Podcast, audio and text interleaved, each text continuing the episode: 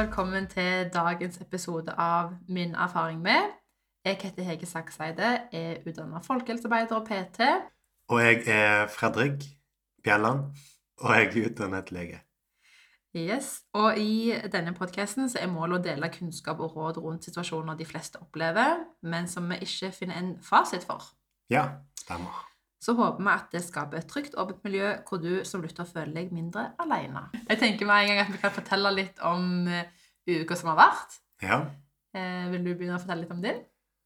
ja, det har ikke vært så mye å fortelle om, egentlig. Jeg har vært på jobb, og så har jeg vært syk. Ja. Eller, ja. -hmm. Vært litt mye jobb. Mye jobb, mange dager i strekk, og så er jeg litt syk på slutten. Litt bedre i dag. Ja, jeg, jeg føler det er sånn typisk at akkurat når du får fri, så blir du dårlig. Mhm. Det, det er typisk, og det har vi faktisk et eh, begrep på òg. Dette the letdown effect. Som Oi. handler om at, eh, at når du er i en travel periode, så holder kroppen deg i gang, men når du endelig da gir rom for å slappe av, så kan kroppen endelig ta seg tid til å være litt dårlig, da. Så deilig. Ja. Akkurat det jeg ville ha. Så det kan være sånn typisk som du kjenner på etter f.eks. en eksamensperiode, eller bare en travel periode i livet. Mhm. Mm. Wow, fun facts allerede. Ja, vi må få inn det òg. Ja, Ja. veldig bra. Du da, Hege, hvordan har uken din vært? Jeg starta med å være syk, så det er jeg som har smitta Fredrik denne gangen her. Mm. Men eh, det har egentlig gått veldig greit. Jeg har jobba som normalt, bare ikke trent denne uka her. Eh, Så det tar oss jo egentlig litt inn på dagens tema, som er styrketrening. Ja, Jeg hadde en meningsmåling på Instagram, der heter jeg Hege Sakseide. Der ga dere fire tema å velge mellom, og da var det styrketrening som var mest ønska. Det er jo et veldig bredt tema, og eh, vi kunne sikkert snakket om styrketrening i mange episoder, så vi må på en måte bare prøve å holde oss litt til temaet, som blir altså vår erfaring med, da. ja. Og så tar vi med noen spørsmål på slutten, og gir dere noen råd som vi har erfart. Absolutt. Men da syns jeg det er riktig at uh, du kan begynne, Hege, Okay. og fortelle om din erfaring med styrketrening. Ja. Eh, Jeg har alltid vært veldig aktiv gjennom oppveksten. Har gått på jeg føler de fleste idretter som var mulig å prøve. Altså fotball og svømming og ridning og ja, you name it, egentlig. Eh, og så når jeg var 15 år, så ble jeg eh, godt kjent med tre jenter eh, som bor i nærheten av der jeg er fra. Så det er shout-out til Kaja, Malin og Irene. De trente styrketrening på et senter. Så det var, var på en måte at jeg fikk bli med de og prøve det. Eh, og så begynte vi egentlig med Zumba. Og så var det da at vi hadde lyst til å prøve oss på styrketreningavdelingen. Eh, og da husker jeg at det var 16-årsgrense på den avdelingen, så da måtte mamma faktisk signere at det var greit at jeg fikk lov. Så ja, det var jo veldig bra at jeg fikk eh, lov til det. Eh, og jeg husker at jeg syntes det var kjempegøy helt fra starten. Det var eh, så mye forskjellig du kunne gjøre, og det var eh, bare kjekt å kunne utfordre kroppen på forskjellige måter. Og i starten så var det uten tvil mest maskiner. Jeg husker spesielt godt som der hofteabduksjon og eh, adduksjon, de der maskinene der. Ja, ja, de ja. Ja, de var veldig populære, for det var veldig enkelt. Men eh, på den tida der så trente vi da altså én gang i uka uten noe sånn mål og mening, egentlig ikke noe program eller noe sånt. Så det var ikke noe sånn at vi fikk spesielt fremgang av det. Men det var en veldig sånn god plass å starte, da. Som jeg eh, egentlig er veldig takknemlig for at jeg fikk. Så bra. Og så ble jeg eldre og fikk meg moped, så jeg kunne kjøre på trening akkurat når jeg ville. Så da husker jeg at det var kanskje der det begynte å ta seg litt opp. Begynte òg på eh, videregående inn i byen, som jeg har snakket om, og da begynte jeg på et større senter og tok ting litt mer seriøst etter hvert. Lærte mye på nett, det her har vi også snakket om på YouTube. Eh, og så, når jeg var på slutten av VGS tredjeåret, tror jeg det må ha vært, så var vi på en sånn skolemesse, eller sånn utdanningsmesse, der du går gjennom forskjellige boder og kan liksom se på hva slags universitet du vil gå inn på, ja, videreutdanning da. Jeg tror det må ha vært da. Og da husker jeg at det var en bod som var AFPT sin, som er et sånn PT-studie, eh, der de eh, reklamerte for et eh, studie i utlandet. De skulle ha det i Miami på sommeren i fem uker. Og jeg, ble dratt inn der med en gang og syntes at det var skikkelig spennende. Og det var det eneste som virkelig interesserte meg der. Og jeg fikk en veldig god magefølelse med en gang på de som var der, og som snakket om det. De virka veldig trygge og seriøse. Så når jeg kom hjem samme dagen, så meldte jeg meg på. Og betalte det. Så det, det er veldig kult, egentlig.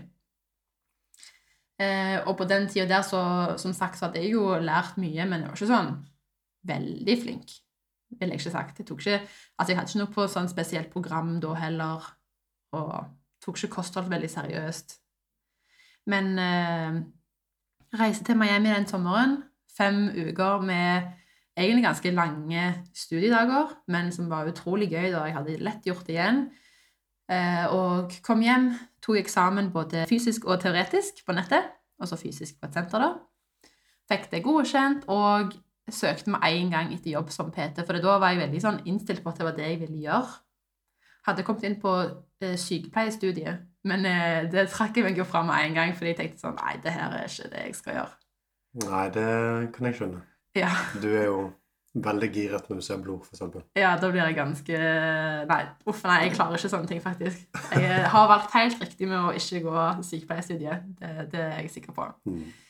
Men ja, så jobbet jeg som PT og lærte egentlig veldig mye gjennom den perioden òg. Så flytta jeg til Kristiansand. Bodde jo med Maren og Ida i en periode her nede. To veldig gode venninner. Vi trente mye sammen. Eh, og så kom korona. Eh, I den perioden der så fikk jeg nok eh, litt mer tid til å virkelig sette meg inn i styrketrening. Satte jeg meg òg veldig inn i hva som skal til for å få fremgang med styrketreningen. Heldigvis for meg så var det veldig godt treningsutstyr nede i kjelleren til mamma og pappa, så jeg fikk liksom satt ganske greit i gang der. Men eh, når det begynte å roe seg, og vi kunne gå tilbake på treningssentrene, så husker jeg at jeg tok ting mye mer seriøst da. Trente mye sammen med Maren Ida, som nevnt. Vi hadde treningsprogram, noterte på trening, og jeg så skikkelig god fremgang plutselig. Eh, Så derifra begynte det å bli mer seriøst. Mye framgang da, på kort tid, egentlig. Mm. Så da hadde jeg trent ganske lenge, men så gjorde jeg ting sikkert mer riktig da, eller gjorde ting mer riktig. Eh, Det kommer vi tilbake igjen til i spørsmålsdelen av podcasten. Bare vent til det som kommer. Men eh, det var kjempegøy, og jeg fikk så mye mestring, og jeg følte at jeg virkelig hadde funnet noe som jeg fikk til. Og jeg begynte å dele mye mer på sosiale medier om det. Og alt i alt fant mye treningsglede i styrketreningen da. Men det var veldig gjensidig. Det var kun styrketrening. Det var ikke noe annet, liksom. Veldig sjelden kondisjonstrening. Og så fikk jeg en skade i korsryggen. Eh, utrolig kjedelig å ha treningsskade, for da stopper liksom ting skikkelig opp, og du kan ikke fortsette som normalt. Eh, så jeg tok det veldig rolig, gikk hos kiropraktor, eh, prøvde å bygge det litt opp igjen. Men for de som har hatt en prolaps, så vet dere at det tar lang tid, eller dere som ikke har hatt det, det de sier at det tar i snitt sånn ett år for den å bygge seg opp igjen, med mindre du hele tida da Slå opp igjen skaden. Ja. Ja. Som er veldig lett når du fortsetter med det som er utløsende. Ser den. Ja, Ja. så da endra jo ting seg ganske greit. Det var en periode der eh, egentlig hele treningen endra seg. Eh, I tillegg til den prolapsen så var det òg akkurat i den perioden der jeg lagde bedriften, og den lagde jeg jo samtidig som studiet, så det, ble altfor mye press på en gang. Eh, så jeg kjente det faktisk en del i brystet. Måtte begynne å faktisk roe litt ned. Jeg kunne ikke ha så høy intensitet på treningen. Eh, Så det ble ganske mye på én gang der plutselig. Eh, Det kan godt være at den prolapsen òg utløser seg kanskje litt i et sånn svakt øyeblikk der Ja. for kroppen generelt, At det kanskje ikke restituerte så godt som, som vanlig. som vanlig, nei. Mm. Mm. Eh, Så Men ja. Da kommer vi på en måte litt mer fram til den dag i dag. Eh, etter den skaden så prøvde jeg å se om det var andre treningsformer som kunne være litt bedre for meg, om jeg mestra det bedre. Så jeg gjorde mye Eller jeg har trappa opp eh, kondisjonstrening, mobilitet, har prøvd litt pilates. Eh, gjort litt mer sånn eh, sirkeltrening, for da kan jeg ha mindre vekter, men ha høy intensitet. Og det er en veldig positiv erfaring, for jeg har fått sett at jeg syns det òg er veldig gøy. Og en ting som jeg syns har vært litt kjedelig, eller kjipt, da, med å trene så mye styrketrening og ingenting annet, er jo at du kommer ikke i så veldig god form for det. I hvert fall ikke med den styrketreningen som er sånn tradisjonell studiotrening, da. Ja. Så jeg sitter jo på en måte igjen med å ha lært noe viktig, som er at det, det er veldig bra å være allsidig. Eh, men veldig kjedelig med den skaden, da. Eh, kan faktisk eh, plages litt av den fremdeles. Eh, men det er bedre, og jeg er egentlig litt mer positiv akkurat nå.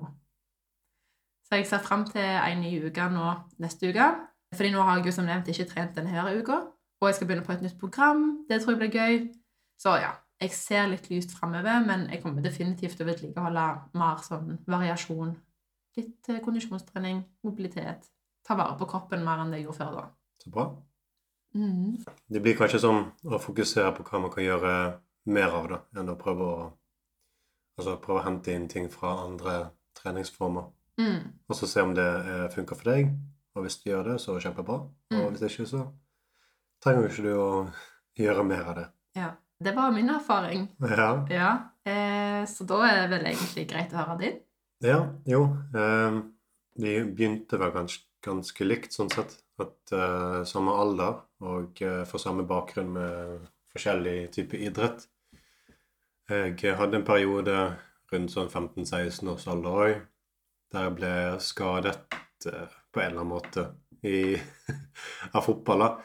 Um, og da skulle jeg trene meg opp igjen uh, gjennom å, å trene på treningssenter og bygge meg sterkere til, til å bli en bedre fotballspiller. da, var egentlig sånn som jeg begynte.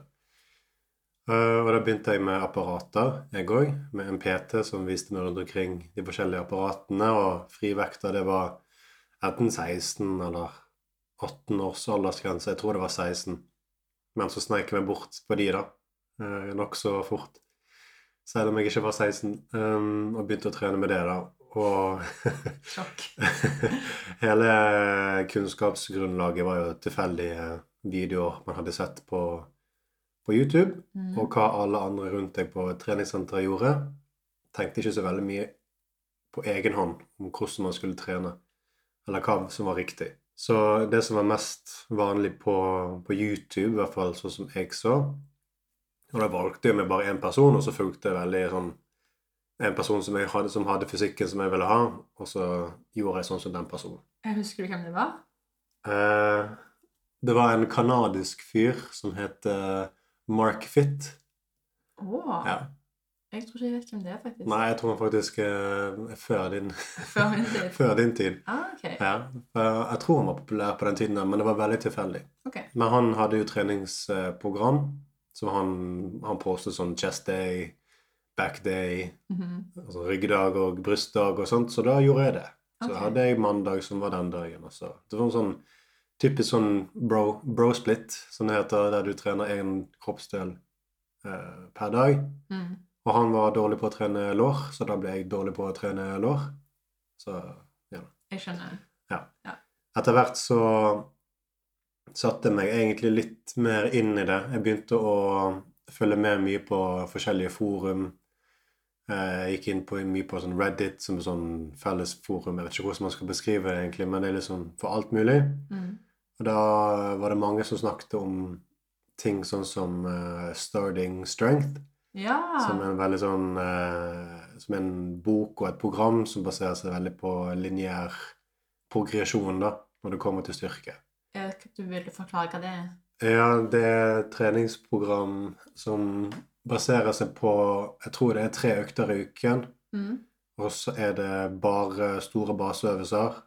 Og så er det å starte lavt og bygge gradvis opp etter hvert. da. At Mm. man skal egentlig nesten øke De sier det er sånn lineær progresjon i starten. da. Så vil si at du øker med en, en fast vekt. Ja, hele tida, ja. Ja. Den er jo veldig, veldig lårfokusert. Ah, I hvert fall i starten. da. Så det, det, vei, det veide opp mye for det, sånn som jeg hadde trent før. da. Mm. Som jeg er veldig takknemlig for. Og da begynte interessen for eh, Eller ikke interessen for det, men at det gikk an å trene andre måter enn brosplit. Mm -hmm. Og dette her var sammen med Oppdaget dette her sammen med rundt den tiden der jeg hadde litt mer hektisk hverdag. Jeg hadde jobb og studier og privatiststudier og mye eksamener og etter hvert medisinstudier òg, da. Som tok veldig mye tid. Så trening, det ble liksom Det ble noe jeg syntes var veldig gøy, men ofte som jeg ikke hadde tid til. Så jeg måtte finne veldig konkrete tidspunkt i uken da, for å kunne gå og trene. Mm. Og da var det godt å ha få antall, så der jeg kunne fokusere skikkelig, og så bli ferdig. Mm. Så tre ganger i uken, det ble idealet mitt, da. Men jeg har eksperimentert på med syv ganger i uken. Jeg har eksperimentert med fire ganger i uken. Sånn upper body, lower body-type splitter. Mm. Alt sånt. Så, så jeg har prøvd litt av alt. Så jeg fant jo det som funket best for meg, og har egentlig bare Har, ikke, har aldri dokumentert hva jeg har trent, som er litt synd. Eller jeg har aldri skrevet ned noen treningsprogrammer eller noe sånt. Um, så jeg har egentlig ofte bare basert meg på hvordan jeg føler meg på dagen, i, i for, eller ut ifra hvordan jeg skal utfordre meg, da. Ja, hva slags vekter du skal ha, eller hva du skal gjøre. Og sånn. Riktig. Så hvis det er en dårlig dag, så gir jeg meg med tre sett kanskje på den, og Mm. så gir jeg meg da. Altså, kanskje det kunne vært grunnlag for å presse seg sjøl mer, da. Ja, men eh, jeg tenker når du sier det, så høres det jo egentlig ganske fornuftig ut, da, fordi dagsform har jo veldig mye å si. Ja. Så hvis det på en måte er det som gjør at du ikke pusher deg så hardt, så er det jo det kanskje en bra ting. Mens hvis det er litt mer sånn latskap, ja. da er det noe helt annet. Sånn. Da Ja. er det jo veldig bra at du har et program som pusher deg. Men jeg tror man kan, man kan havne litt inn i latskap òg. Jeg har nok gjort det sjøl òg, der jeg har ligget veldig mye på samme vekten, og så har den egentlig bare blitt komfortabel. Og så er det en sånn vekt som er sånn OK, du er noenlunde sterk, Ja, men du blir ikke sterkere. Sant? Det har vært veldig lenge på den samme vekten, Mm. syns jeg, da.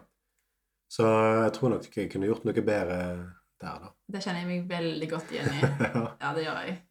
ja, og jeg, eh, jeg trente jo veldig ensidig, sikkert. Ingen bevegelighetstrening, Mm. og uh, veldig varierende på kondisjonstrening eller ikke. Det var ofte det hvis jeg begynte med bedrift, bedriftsfotball igjen, så innså jeg plutselig oi, jeg er blitt tung, men ikke så veldig sprek, egentlig. Ja. Så jeg kjente kanskje på det samme, det at man følte ikke seg så veldig atletisk nødvendigvis av, Styrketrening. av styrketrening, sånn som jeg trente det. da. Og så etter hvert så har jeg lært at styrke er veldig flersidig.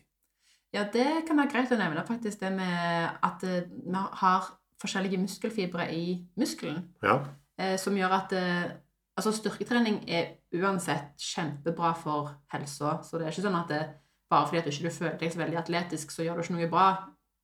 det er vel anbefalt for alle aldre. Mm. Og faktisk òg spesielt eldre. Mm. Der er det sånn eksplosiv styrketrening. Det er veldig anbefalt. Så da kan vi gå inn på det første muskelfiberet, som er det eksplosive. Det er det som er på en måte sånn eksplosiv kraft og styrke, og typisk for de som har lyst til å bli sterkest mulig, f.eks. sånn styrkeløftere. Da er det mest effekt i de få repetisjonene, og så heller mange sett. Og så har du den eh, andre muskelfiberen, som er den som kanskje er mest populær på treningssenteret. Det er den som utgjør kanskje mest volum, da. Som ligger mer i den der tre til fire sett, åtte til tolv reps. Ja. At du bygger størrelse. Selvfølgelig også styrke. Ja. Og så er det den tredje muskelfiberen, så er den utholdende. Og den tror jeg nok at du vil føle deg veldig atletisk av hvis du trener godt. Ja. Eh, For det er jo den som er eh, mer sånn oppi høyrep, eksempel sånn 20-30 reps mer eller mer enn det. Eh, og som du typisk vil se at eh, idrettsutøvere prioriterer. Si eksempel hvis du, du driver med langrenn. Da bruker du jo lårmuskulaturen kjempelenge under belastning. Eh, og da får du veldig utholdende muskelfibre som klarer å jobbe lenge. ja. Og så har du til og med folk som har spesialisert seg innenfor de forskjellige tingene i langrenn òg. Du ser de som er veldig gode på, på langdistansen, og de som er veldig gode på sprinter. Mm. At de trener antageligvis veldig annerledes siden man kan bli en type spesialist Ja. innen sitt område. da. Og så har du jo eksempel eh, det med de løperne, med Ja. Hekkeløpere. Jeg følger jo eh, Karsten Warho- Warholm på Instagram. og Da ser jo du alle mulige sånne sære øvelser som de finner på bare for å bygge eksplosivitet. Mm. Og Det er jo veldig fokus på eksplosivitet, ikke så mye fokus på, på utholdende muskelgrupper. da. Mm. Og det er jo mye fart på korte distanser. Ja. Mm, Så det er, det er mange måter å trene styrke på. Det er der. absolutt. Og det gir forskjellige resultater. Det er veldig interessant og gøy egentlig å prøve å finne den måten som passer deg, da. Og så mm. kanskje inkomparere litt av alt, istedenfor å bli en veldig ensidig Muskelfibertype. Ja, altså bli en Mm. veldig en, ensidig atlet, da. Ja. Man merker det. Man trenger litt av alt gjennom livet. Ja, man gjør det. Men det, det, er sånn, det er sånn jeg har utviklet meg nå. Før så syntes jeg det var kjempedigg å se stor ut. Ja. Og brydde meg ikke så veldig mye om jeg klarte å løpe 100 meter fort. Mens nå i seinere tid så føles det litt sånn at OK, men jeg har gjort den tingen. Mm. Eh, men nå kjenner jeg meg litt Jeg kjenner litt på sånne onter i ryggen, i Mm. skulderen. Litt sånn dumme ting som, som jeg har lyst til å bli Altså føle meg mer frisk med Ja. treningen. da. Så mye mer fokus på be bevegelighet i senere tid. Ja. Mye mer fokus på å inkludere litt utholdende styrke. Og så rett og slett inkludere litt mer En litt større bredde av bevegelsesmønstre, da. Mhm. Ikke nødvendigvis bare knebøy, benkpress og markløft, f.eks. Mm. Det, er ikke- det er ikke godt nok for en treningsøkt eh, sånn som jeg tenker nå, da. Ja. Lenger. Det er veldig kult. Ja, Du, har, du går en litt annen vei enn før, da. rett og slett. Og jeg synes ikke jeg ser noe mindre ut sånn sett nå, etter endret fokus. Mm. For det er jo sånn òg at eh, mange lurer jo på hva som på en måte er den beste måten. Sånn, hva er den beste splitten? Hva er den beste mengden? Hva er liksom sånn, de beste øvelsene? Og da er det sånn at det er egentlig Eller det er ingen fasit med to streker unna. Eh, jeg har fått kjempegode resultater med full kroppssplitt, og jeg har fått gode resultater med to splitt, altså sånn overkropp og underkropp. Jeg har Ja. fått gode resultater med fem økter i uka og med tre økter i uka. Så det er sånn, det er veldig mange veier til mål, og det viktigste er egentlig at du gjør noe som du syns er gøy. Ja, for det, jeg tror det er å være- konsekvent, altså å gå på trening Kontinuerlig. kontinuerlig, ja. Mm. Det er det som er det viktigste. Og da det klarer du bedre hvis du gjør noe som passer for deg, noe som passer inn i tidsplanen din. Hva er realistisk for Ja. deg? Ja, akkurat. Eh, Og det tar oss egentlig perfekt inn i spørsmål fra dere. Jeg har spurt om dere har noen spørsmål til podden inne på Instagrammen. Så det første spørsmålet er hva er det viktigste for muskelvekst? Og nå nevnte jo Fredrik det første punktet, som er det å være kontinuerlig. Ja. Mm. Eh, og da er det viktig å nevne at eh, å være kontinuerlig, det handler om at du finner en rutine som passer inn i din hverdag, noe du kan se for deg at du kan gjøre kjempelenge, gjerne i årevis. Eh, og hvis du har en sånn kontinuerlig rutine, så har det ingenting å si om du er syk en uke, eller om du tar deg en deload, eller om du er vekka en dag. Men det er mer det at du ikke trener i perioder. At det blir sånn Rykk og napp-type Ja. ja. at det er sånn to måneder på, to måneder av. For da vil du definitivt oppleve å få dårlig fremgang. ja. Og så eh, da kan vi egentlig gå rett inn på punkt nummer to, ja. eh, som eh, handler om å ha god teknikk. Fredrik nevnte det litt eh, vagt i stad, så han har skader, han òg. Ja. Det er nok eh, antageligvis pga. dårlig teknikk og lite fokus på teknikk, mer fokus på vekt. Mm. Som jeg tror kanskje er den mest vanlige innstillingen man har Ja. på trening. Eh, og det er samme med meg òg, at det, det er vanskelig å si hva som har gitt meg den prolapsen, men jeg vet med meg sjøl at jeg gjorde veldig mye markløft og knebøy i den perioden, og det var veldig mye egolifting. Egoløfting. Hva er det? Det vil si at du, du løfter tyngre vekter fordi at det føles så bra, det booster selvtilliten din. Mm. Noe som er kjempefint, men det går jo utover kroppen din hvis du løfter mer enn den faktisk klarer å håndtere. Fordi det er sånn at, si i en markløft, så klarer du kanskje å trekke opp den stanga, men da trekker du kanskje med feil muskulatur, eller kanskje legger belastning på feil plass, at på et ledd som ikke tåler så godt. Ja. Eh, derfor er det veldig viktig at du på en måte ikke bare gjør ting fordi det føles så bra for selvtilliten din, men gjør det fordi at kroppen din faktisk er klar for det da. Nei, ikke sant. Det er ikke sikkert at du aktiverer mer muskler ved å putte på mer vekt. Nei, Hvis du tar feil muskelgruppe. Ja, eller du legger eh, vekten over på, på skjelettet i enkelte steder, eller på scener som ikke burde være aktivert. Mm. Det med teknikk er jo selvfølgelig kjempeviktig for det å forebygge skader, men når det kommer til fremgang, så er det òg nettopp det med at Ok, hvis målet ditt er at du skal gjøre en hip trust for å trene rumpa, så er det ikke så veldig gunstig at eh, du har en teknikk som gjør at du treffer lårene dine, eller som gjør at du Ja, du får ikke brukt rett muskel, da. Eh, og det er derfor nettopp teknikk er så viktig, sånn at du trener riktig muskelgruppe. Eh, og det med teknikk så vil jeg også bare punktere en ting som jeg sjøl har lært litt i seinere tid. Det med å strekke muskulaturen optimalt. Det er ikke alle øvelser det er like viktig for, men spesielt f.eks.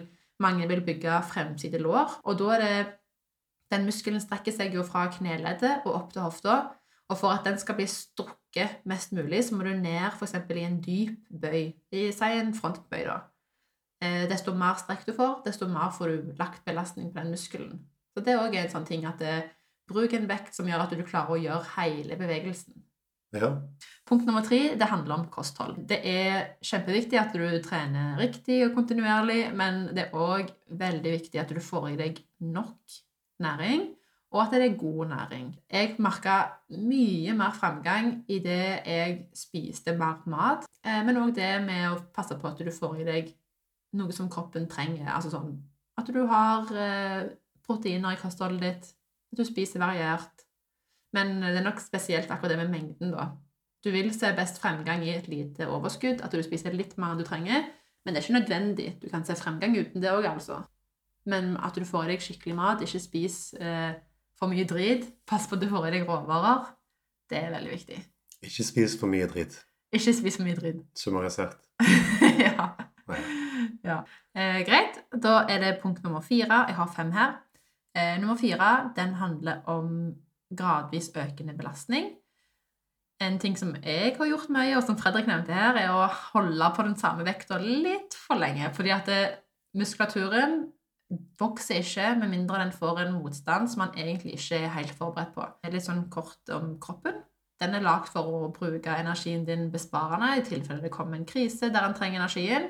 Så den legger ikke energi i å bygge muskelmasse med mindre det er et faktisk behov for det. Så den eneste måten du kan vise for kroppen at eh, det skal bygges muskler, det er å utsette muskulaturen for en belastning som man ikke klarer optimalt. da. Ja, eller bare økende belastning. Over tid. Ja. Eh, den beste eller enkleste måten å gjøre det er jo med å notere på trening. For da er det kjempeenkelt å se hva du brukte sist gang, eller ikke nødvendigvis bare sist, men hva du brukte i det siste. Har du hatt den samme vekten nå i en måned? Er det kanskje på tide å legge på litt? Trenger ikke være så mye. og eh, det kan være greit å nevne at belastning trenger ikke bare å være antall kilo. Det kan òg være at du gjør litt flere repetisjoner, et ekstra sett, at du bruker lengre tid per repetisjon. At du har større bevegelsesbane, altså en dypere strekk. Mm. Det er mange måter å gjøre det på. Det handler bare om at muskelen får litt høyere belastning etter hvert som du blir sterkere. Og de som er nybegynnere her, dere er utrolig heldige, fordi i starten så er det veldig lite som skal til for at du blir sterkere. Du kan sikkert nesten øke vektene for hver økt. Men etter hvert som du blir mer erfaren, så går det treigere og treigere, og du må kanskje vente et par uker for hver gang du klarer å legge på. Da blir det veldig lett å havne inn i den der komfortable vekten man alltid trener med Mm. uke inn og uke ut. Ja, for det, blir så, det går så lang tid mellom hver gang du klarer å øke. Ja. Og da kommer jeg til det siste punktet, som handler om restitusjon og søvn og deload. Eh, fordi når du trener, så brytes muskulaturen ned, og det er i hvile at den bygger seg opp igjen. Derfor så er det så viktig at en ikke overtrener, at en har rom for hviledager, at en prioriterer søvn. Når du har behov, så har du en deal-out-uke. Det vil bare si at det er en hvileuke. Det kan være greit å ha sånn egentlig etter behov. Et behov er f.eks. hvis du ikke ser fremgang lenger, hvis du er veldig sliten, veldig lav motivasjon, eller sånn cirka ja, hver åttende til tiende uke. Det er veldig variert. Eh, hyppigere når du er mer erfaren, sjeldnere når du er nybegynner. ja. Jeg tror det er mange mange av de jeg har snakket med, som har stagnert da på Mm. trening det, da, Når de forklarer hva de gjør, og hvordan de trener, så er det ofte jeg tenker bare sånn Ok, men kanskje du må trene litt mindre Ja. for å få framgang her, egentlig. Mm. Det er sikkert veldig mange som kunne fått mer ut av å trene mer, men det er òg veldig mange som kunne fått mer ut av å trene sjeldnere. Mm. Og sånn som jeg nevnte det med den perioden da jeg hadde mye stress òg, sannsynligvis en veldig dårlig innflytelse på hvordan kroppen klarte å restituere seg. Så det der med å liksom, gi kroppen gode forhold til å restituere seg optimalt, er en veldig viktig del av akkurat det å få fremgang. ja, nei, det er veldig viktig å ta vare på uh, sin mentale helse Mhm. for å få god framgang på trening òg. Søvnhygiene. Ja. Og jeg vil ikke si mindfulness, men bare sånn prøve å senke stress, og Ja. det har god effekt. Det har det. Kanskje vi kunne hatt en episode om stress? Ja, det jeg skal- begge to har mye å- ja. erfaring på. Eh, Men nå da snakket vi litt om det med antall økter i uka, og det er spørsmål nummer to. Hvor mange økter burde man ha i uka med tanke på hvor mye man skal pushe kroppen sin? Ja, Mm. det er et veldig interessant spørsmål, egentlig. For, man, for det er formulert som med tanke på hvor mye man skal pushe kroppen sin. Mm. Og det er litt sånn Det kan du bestemme helt sjøl. Det er vel et sånn minimum man har gjort forskning på, da. Der man, man har funnet sånn at to må i hvert fall være mer enn to. At man, det viser at det, for at muskelen skal vokse, så er det et minimum at den trenes to ganger i uka. Ja. Så hvis du eksempel trener med et fullkroppsprogram, så kan du egentlig trene to ganger. Mm. Hvis du har overkropp-underkropp-splitt, så er det da fire økter i uka. Men altså sånn, ja, det er bare sånn tommelregel to ganger i uka per Ja. muskelgruppe. Ja. Og så ligger, ligger det litt i uh, hvilken innsats du har på de treningene du gjør i løpet av uken. Mm. Hvor mange sett du har på den muskelgruppen. Mm. Og så med restitusjon, da. Ja. Mellom. Ja, og jeg tenker at det kan være interessant å nevne en studie som er gjort på norske eh, vektløftere. Eh, da så de slags, eh, eller hvor mange økter i uka var optimalt. Og i den studien så fant de faktisk best resultater med kun tre økter i uka. Tre fullkroppsøkter, vil jeg merke. Eh, og det jeg har tenkt litt på i ettertid, er at eh, styrkeløftere er nok utrolig flinke på å prestere når, de er på trening, for det er liksom det er idretten deres. Jeg tror nok at de er flinke til å pushe seg sjøl, være til stede, gjøre ting skikkelig. Og eh, det vi har sett i studier òg, er at det, det handler ikke bare om frekvensen og hvor ofte musklene blir brukt, men det handler også om hvordan du bruker den. Klarer du på en måte å presse den mot det vi kaller maksimal kapasitet? Det er det at eh, muskelen klarer å utvikle så og så mye kraft. La oss f.eks. si 10 reps med 60 kilo knebøy. Det er det han klarer. Men så hvis du da klarer å pushe deg opp mot den maksimalen der, sånn at den da når det punktet den må utvikle seg, eh, så vil du få mer ut av treningen enn hvis du på en måte hele tida trener litt sånn lett, tar litt chill på trening. Du skal bare fullføre. Så det jeg tenker ut ifra den studien der, er at hvis du trener skikkelig godt når du er på trening, er til stede, pusher deg sjøl, så kan du lett komme unna med å kun ha de tre øktene i uka. Men hvis du- derimot eh, slaker, gjør litt mer sånn kvantitet, så kan det være at du faktisk trenger noen flere økter. Ja, absolutt. Kanskje tenk litt på det sjøl. Hvor, hvor godt fokus tenker du at du klarer å få på trening? Hvis du vet at du kommer til å gjøre veldig godt fokus på trening, så kan du trene mindre ganger Mm. og få egentlig ganske god effekt av det. Det er interessant, egentlig. Ja, man må finne litt sånn, Det er nesten sånn personlighetstype. Ja. Finne den tingen som passer deg. Ja, Det er kanskje derfor du har flere forskjellige program på din nettside òg. ja. Sånn at folk kan finne hva som passer for dem. Absolutt. Det jeg synes det er veldig vanskelig å si at dette her er den perfekte treningsmetoden. Mm. Dette skal alle gjøre. Mm. For det folk er veldig forskjellige. Mm. Og det er derfor man trenger ofte litt veiledning til, veiledning til å finne ut hva er det beste for meg, da. Ja, det er sant. Mm. Hvor ofte trener du nå? Nå trener jeg vel tre ganger i uken Med full kroppsstyrke? med full kropp. Mm. Ja. Og så prøver jeg å få inn eh, bevegelighet og atletisk trening Mm. innimellom der. Ja. Og det er jo sånn Det er litt mer aktiv hvile. Jeg trives egentlig veldig med det. ja. Eller bare det å gå tur òg. Absolutt. Ja. Gjøre en litt sånn annerledes type bevegelse, Mm. selv om du har hviledag.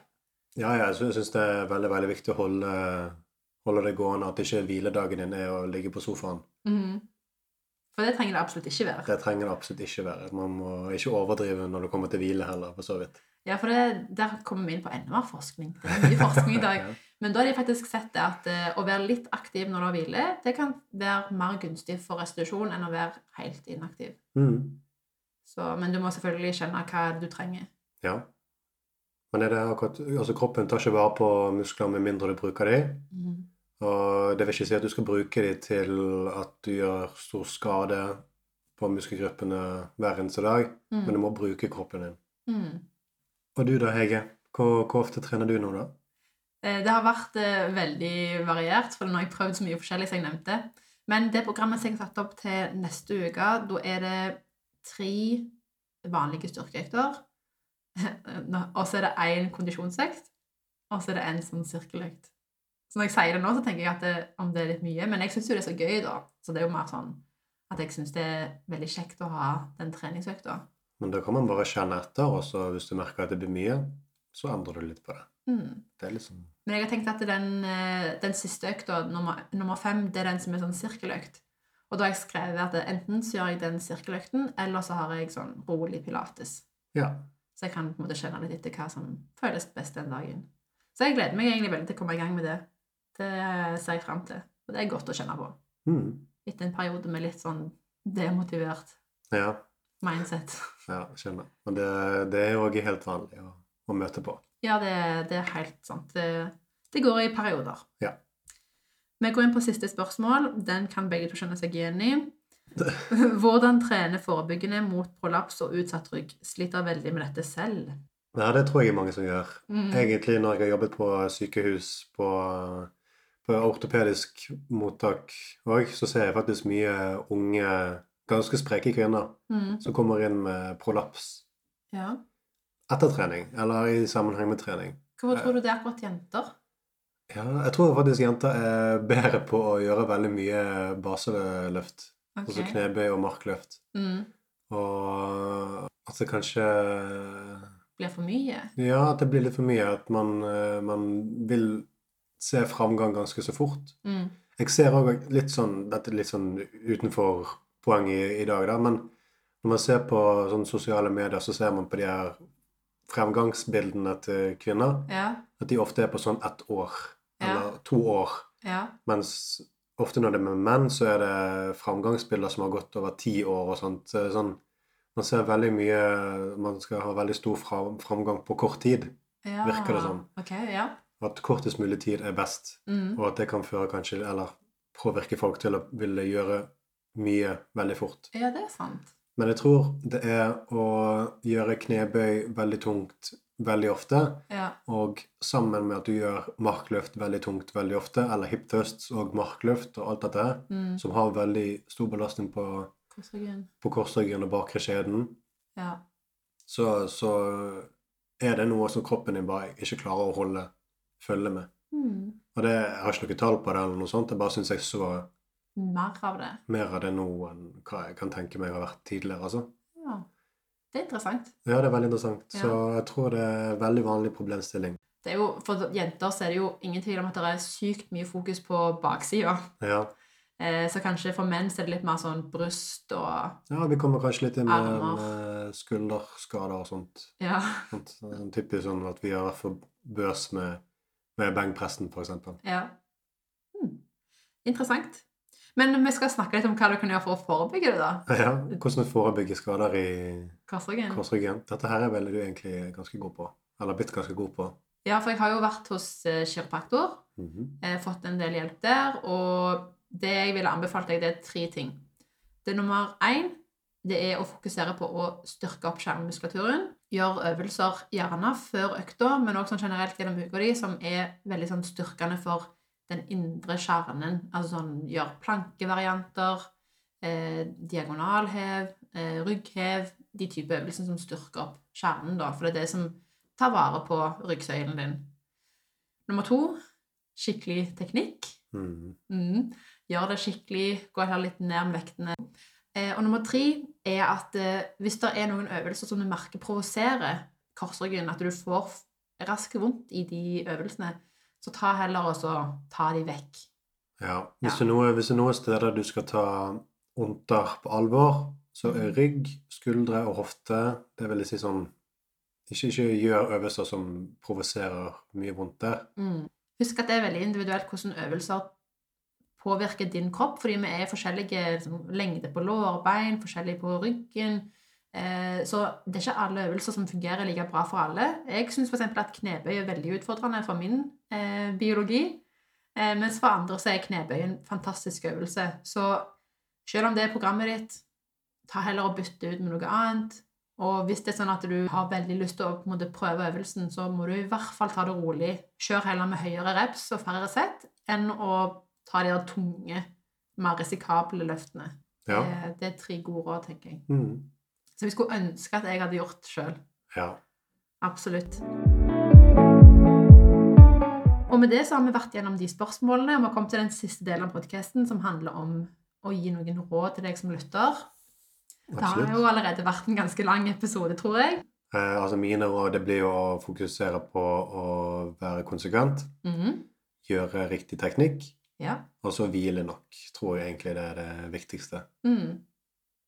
Og hvis jeg skulle gitt noen råd til meg sjøl som satte i gang med styrketrening, så hadde det vært spesifikt for meg, da.